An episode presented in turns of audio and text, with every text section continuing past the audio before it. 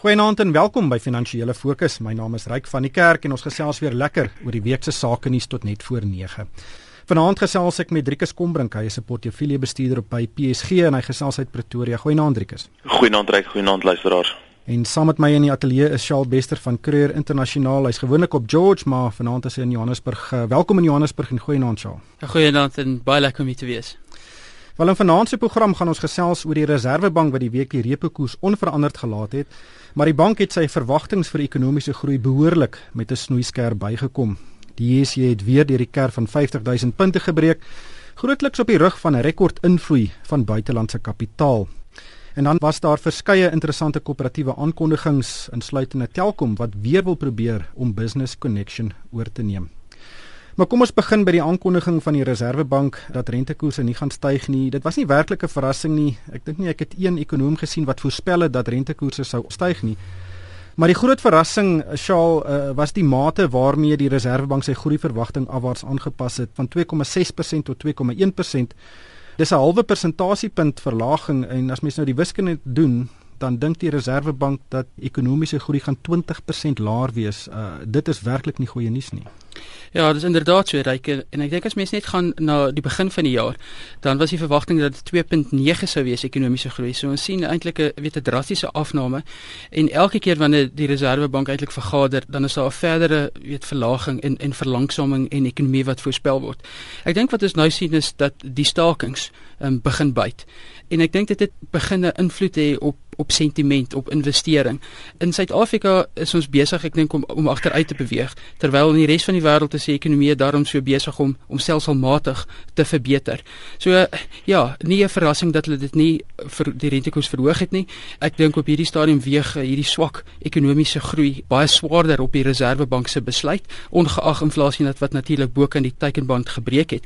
Ek dink dit gaan vir hulle moeiliker raak later in die jaar om nie op te tree nie as inflasie uh, so so bly styg en ek dink as ons aanvaar dat van volgende jaar af gaan die Amerikaners waarskynlik rentekoerse begin verhoog, dan gaan die Reservebank se hand geforseer word om te beweeg ten spyte van hierdie swak ekonomiese groei.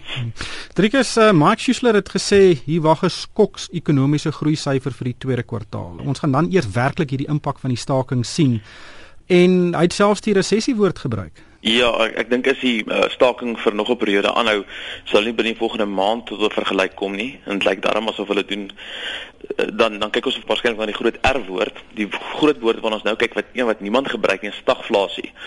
Nou stagflasie is is 'n eintlik 'n strukturele probleem wat ons het soortgelyk wat die westerse wêreld in die 70's gehad het.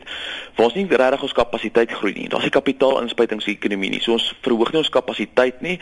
Die kapasiteit wat ons wel verhoog, moes ons al lankal reeds mee begin het. Ek praat nou van van Eskom en Sanral en uh, die gebeur nie vinnig genoeg en effektief genoeg nie en ehm um, op hierdie stadium het ons 'n bietjie van 'n kapasiteitsprobleem in die ekonomie. Dit saam met 'n rand wat verswak het, skep sikliese probleme.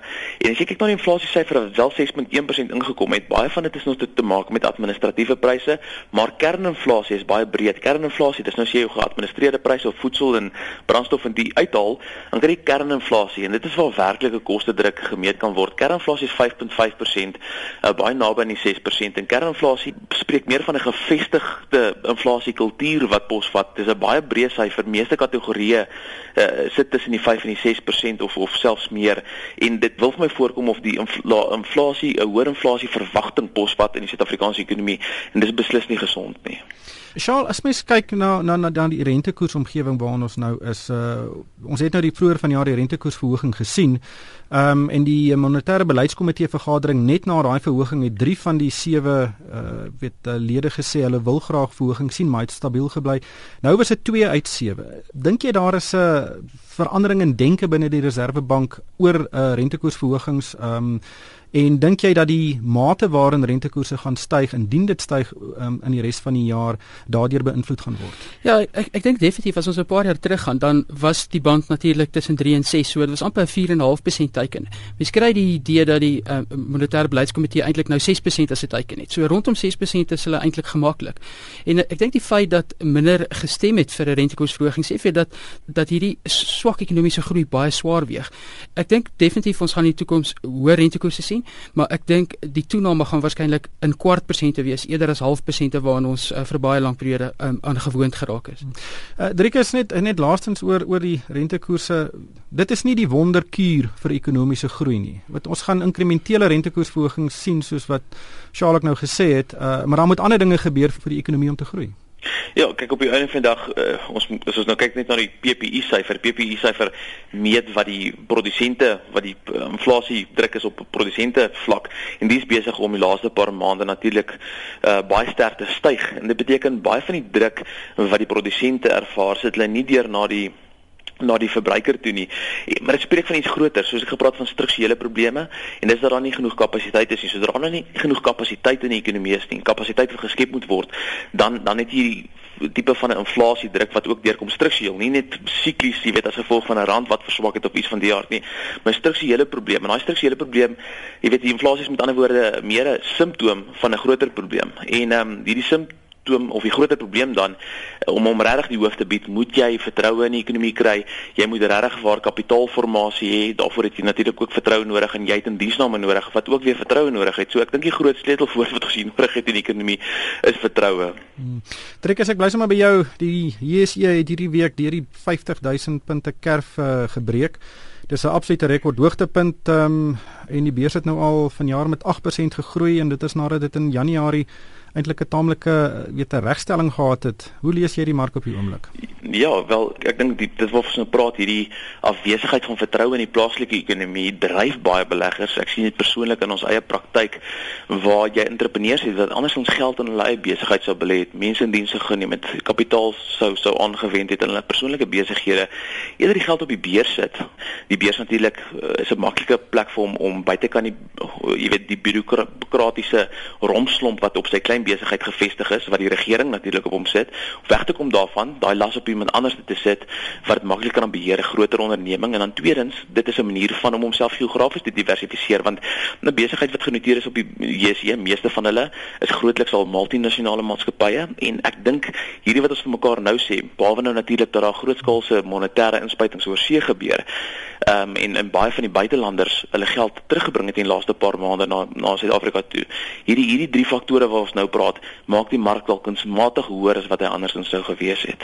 Op daai noot, Charles, daar was 'n uh, inligting of statistiek wat deur um, Rand Aksebank um, bekend gemaak is en dit is dat in die afgelope 4 maande en dit is Februarie, Maart, April en Mei was daar 'n rekord invloei van buitelandse kapitaal na Suid-Afrikaanse effekte en die aandelemark. Um, en die bedrag skrikwekkend. Uh, ons het in Januarie nog 'n uitvloei van kapitaal gesien, uh, 26 miljard rand. Um, en dit was grootliks die rede hoekom die die beurs so geval het in Januarie. Maar sedertdien um, het uh, die kapitaalinvloeye soos volg um, ge gekom, uh, 14 miljard in Februarie, amper 16 miljard in Maart, April was dit net oor die 13 en in Mei maand en dit is tot verlede Vrydag, um, was dit omtrent 17 miljard rand. Saam is dit 60 miljard rand. Dit moet ons plaaslike mark uh, beweeg en dit kan eintlik een van die groot redes wees hoekom ons deur 50000 punte is. Ja, ryk maar ek dink belangrik ook uh, is om te kyk na die maande in aanloop tot Februarie waar geweldige klomp geld uit die land uitgevloei het. So ek dink wat ons nou gesien het is net 'n bietjie van 'n normalisering. Ons het wêreldwyd gesien dat uh, ontleikende markte uh, weer op die of op die voorgrond gekom het en ons het gesien dat portefeuljebestuurders en groot batebestuurders internasionaal weer teruggekom het in ontleikende markte en Suid-Afrika natuurlik 'n baie likwide stelsel. So uh, ons uh, ons ons was een van die is van die die gelukkige posisie dat ons baie van daai geld getrek het. Uh, op 'n onlangse besoek ook aan fondsbestuurders het hulle gesê een van die redes uh, wat aan hulle genoem is is dat veral geld wat uit Rusland uitgevloei het, ehm um, na Suid-Afrika gekom het omdat ons so 'n likwide mark het. En uh, ek dink uh, die staatseffekte mark en die aandelemark was uh, een van die een van die twee markte wêreldwyd wat wat die grootste voordeel daar uit uit die uitvloei uit Rusland uitgekry het. En wanneer jy ook met uh, portefeuljebestuurders praat, dan sien ons dat hulle in die afgelope tyd uit die aandelemark uit stelselmatig begin ligter maak het. So uh, hierdie laaste druk en en die prysbeweging wat ons gesien het is is waarskynlik hierdie buitelanders wat teruggekoop het. Onthou die die rand is ook nog steeds, dit is buite van 10.50 of 10.30 baie swakker as wat hy 2 jaar terug was. So vir 'n buitelandse belegger is dit dalk meer waarde as wat hy 'n tyd terug was. Hmm. Kom ons kyk 'n bietjie na koöperatiewe nuus. Telkom het 'n uh, aanbod hierdie week gedoen vir BCX of Business Connection. En Business Connection is 'n groot verskaffer van IT-dienste, een van die groter maatskappye in die land. Ehm um, en Telkom het in 2007 probeer om uh, BCX te koop, maar die kompetisiekommissie het, het 'n stokkie daarvoor gesteek. Driekus, uh, wat dink jy van hierdie transaksie? Ja, soms genoeg ryk um, in 2006 het hulle R9 te aandeel aangebied. Hulle bied nou R6.60 aan. So aansienlik goedkoper as wat hulle destyds gedoen het. Ehm uh, maar ek dink dit maak sin uit 'n Telkom oogpunt uit. Telkom is 'n maatskappy wat het oor 30 miljard rand omset het, meneer regtig wins daar uit kan draai nie. Uh of of of 'n ordentlike marge daar uit kan maak nie. En uh, die die antwoord vir hulle is om meer waarde toegevoegde dienste uh, aan te bied. Nou Business Connections is eintlik 'n stap uh, laer af in die waardeketting. Hulle hulle voeg ehm um, besigheid by wat eintlik laer af in die waardeketting is, meer waarde toevoeg en ek dink dit is een van die antwoorde wat hulle het om daai om daai kliëntebasis en daai omset uh basis wat lê het in in 'n hoër marge besigheid te verander. Dis natuurlik nie die enigste antwoord vir Telkom nie. Die ander Telkom en hulle sê dit reg en hier waar ek verbaas is omdat ons tot tot onlangs toe nog na Telkom gekyk het is half 'n semi-staatsorganisasie en dit is dat hulle grootskaalse afleggings beplan en dit is nodig vir die organisasie om om as 'n uh, jy weet om uh, volhoubaar te wees in die toekoms. Hmm. Charles, daar is 'n konsolidasie tendens in die telekommunikasiebedryf. Uh, Vodacom wil vir Newtel koop. Um, daar is druk op winsgrense. Byvoorbeeld Cell C het in sy 13 jaar wat hy al sake doen nog nooit 'n sent wins gemaak nie. So hier gaan veranderinge in die telekommunikasiebedryf kom. Ja, ek dink hierdie konsolidasieproses is is nodig. Ek dink is baie nodig ook vir Telkom om om om sy bronne van inkomste ook te diversifiseer. Weet maar ek dit gaan vir hulle baie moeilik regverdigbaar wees as as ons kyk hoeveel mense hulle wil afdank. Jy weet die Unie in Suid-Afrika is baie sterk. Jy weet so hoe regverdig jy hierdie oorname van 'n paar miljard rand maar jy ehm um, jy raak van jou bestuurders ontslae. Maar ek dink Telkom was vir baie lank 'n uh, organisasie wat te, te veel vet ingebou het. So dit is tyd dat hy bietjie mean en lean raak. Ek dink um, as daar onnodige bestuurders is, dan dan moet mens na daai poste kyk. Jy weet oor die langtermyn moet dit 'n maatskappy wees wat winsgewend is en soos al die semi-staatsinstellings kon mens nou maar net so bly aan ploeter. Maar 'n konsolidasieproses en 'n diversifiseringsproses van hulle inkomstebronne gaan baie belangrik wees om om te sorg dat dat Telkom daarin op die voorgrond bly in die toekoms en nie net 'n verskaffer van van 'n van 'n ou argaïese vaste lyn netwerk is nie. Trikus, uh, kom ons kyk na Tito Mboweni. Hy het hierdie week erken hy gaan nie parlement toe nie en uh daar was sprake vroeër dat hy by Pravin Gordhan as die minister van die tesourier sou oorneem. En dit is jammer want hy ek dink besigheid sou sy aanstelling in 'n ekonomiese weet eh, kabinetspos taamlik verwelkom het. Absoluut jammer, maar in dieselfde tyd hou uh, meneer Mboweni bietjie sy sy lyf verkleer mannetjie want uh, hierdie week het hy self gesê dat wat die land nodig het is kapitaal, nê? Nee? En hy jy, jy kan hoor daar's 'n kapitalistiese aanslag of 'n of 'n ekonomies liberale aanslag wat hy voer en sê wat die land nodig het, maar aan die ander kant wil hy nie te luidkeels raak en sy regte berede staaf voel dit vir my soms nie. Uh omdat hy nie die die guns wat hy kry natuurlik deur deel te wees van die ANC se uh, uitvoerende nasionale uitvoerende komitee nie, wil nie te veel guns daar verloor nie want ehm um, jy weet dit daai guns beteken natuurlik besigheidsvoordele vir hom in sy persoonlike hoedanigheid. So 'n bietjie van 'n verkleer mannetjie probeer sy brood aan albei kante gebotter hê en uh dit dit spreek nie veel van van van sy karakter in elk geval nie. Hmm. Marshall, dit sluit eh, werklik aan met wat Steve Kossoff uh, gesê het na uh, Investex se resultate en dis dat Suid-Afrika dringend 'n pro-besigheid kabinet nodig en dat Suid-Afrika moet 'n groei agenda hê en nie 'n agenda vir die herverdeling van rykdom nie. Ja, ek ek dink ehm um, weet ons probeer of die regering altans probeer om ehm um, weet die eindprodukte verander. Jy uh, weet terwyl hulle eintlik moet kyk wat het wat het daarin gegaan. As jy 'n worstel op en jy sit vrot vleis in, kan jy nie verwag dat 'n championship boerewors moet wees wat die ander kant gaan uitkom nie. So ek dink ons moet terug en ons moet gaan gaan gaan kyk, jy weet, hoe is die speelveld waarin besigheid Suid-Afrika op op moet speel. En ek dink op hierdie stadium is dit nie 'n ba baie regverdige veld nie. Ek dink daar's te veel rondslomp, daar's te veel bureaukrasie. Ons moet dit vir mense en vir entrepreneurs en drie keer sit uh, in vroeg in die program daarna verwys. Ons moet vir mense maklik maak, ons moet dit vir mense mo eh, motiveer om mense in diens te neem, om geld te investeer.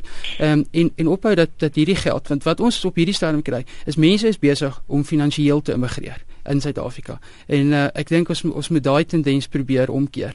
En as ons op op hierdie selfde pad aangaan, dan is ek bevrees um, is ons besig om om net daai tendens te versnel. Interessante term daai finansiële immigrasie. Maar voor ons afsluit uh, Driekus net laastens 'n internasionale brokkie wat interessant is en dit is dat uh, Italië wil graag dele van uh, die onderwêreld in hulle BBP insluit. Uh, hulle wil graag dwelmhandel en prostitusie by hulle BBP syfers insluit en dis groot nommers. Hulle verwag dat uh, hierdie insluiting hulle BBP tot 11% groter kan maak. En dit dit spreek dalk as 'n so groot syfer is of deel van hulle ekonomie of samelewing is dan wonder ou dalk is dit nie dalk die, die bron van die kwaad vir al hulle ander ekonomiese probleme nie. Dalk moet hulle bietjie uh die die brood en die sweet van hulle aangesig verdien. Maar ja, ek dink dit gaan maar oor statistiek wat mee gespeel word basies net om daai BBP, daai skuld tot BBP verhouding beter te laat lyk. Hulle skuld tot BBP verhouding wat baie hoog is en dit altyd die kredietgraderingsmaatskappye ehm um, valk o op op daai syfer hou en hulle wil daai syfer klein bietjie beter laat lyk al beteken dit dit klomp kunsmatig laer laat lyk. Sjoe, wat gaan met ons ekonomie met ons BBP gebeur as ons misdaad daarbey insluit? ja, ek ek dink dit gaan 'n dit gaan 'n merkbare beter posisie wees wat op die oomblik is. Ja. Vir my is dit net ons moet ons moet misdaad in die nek omdraai.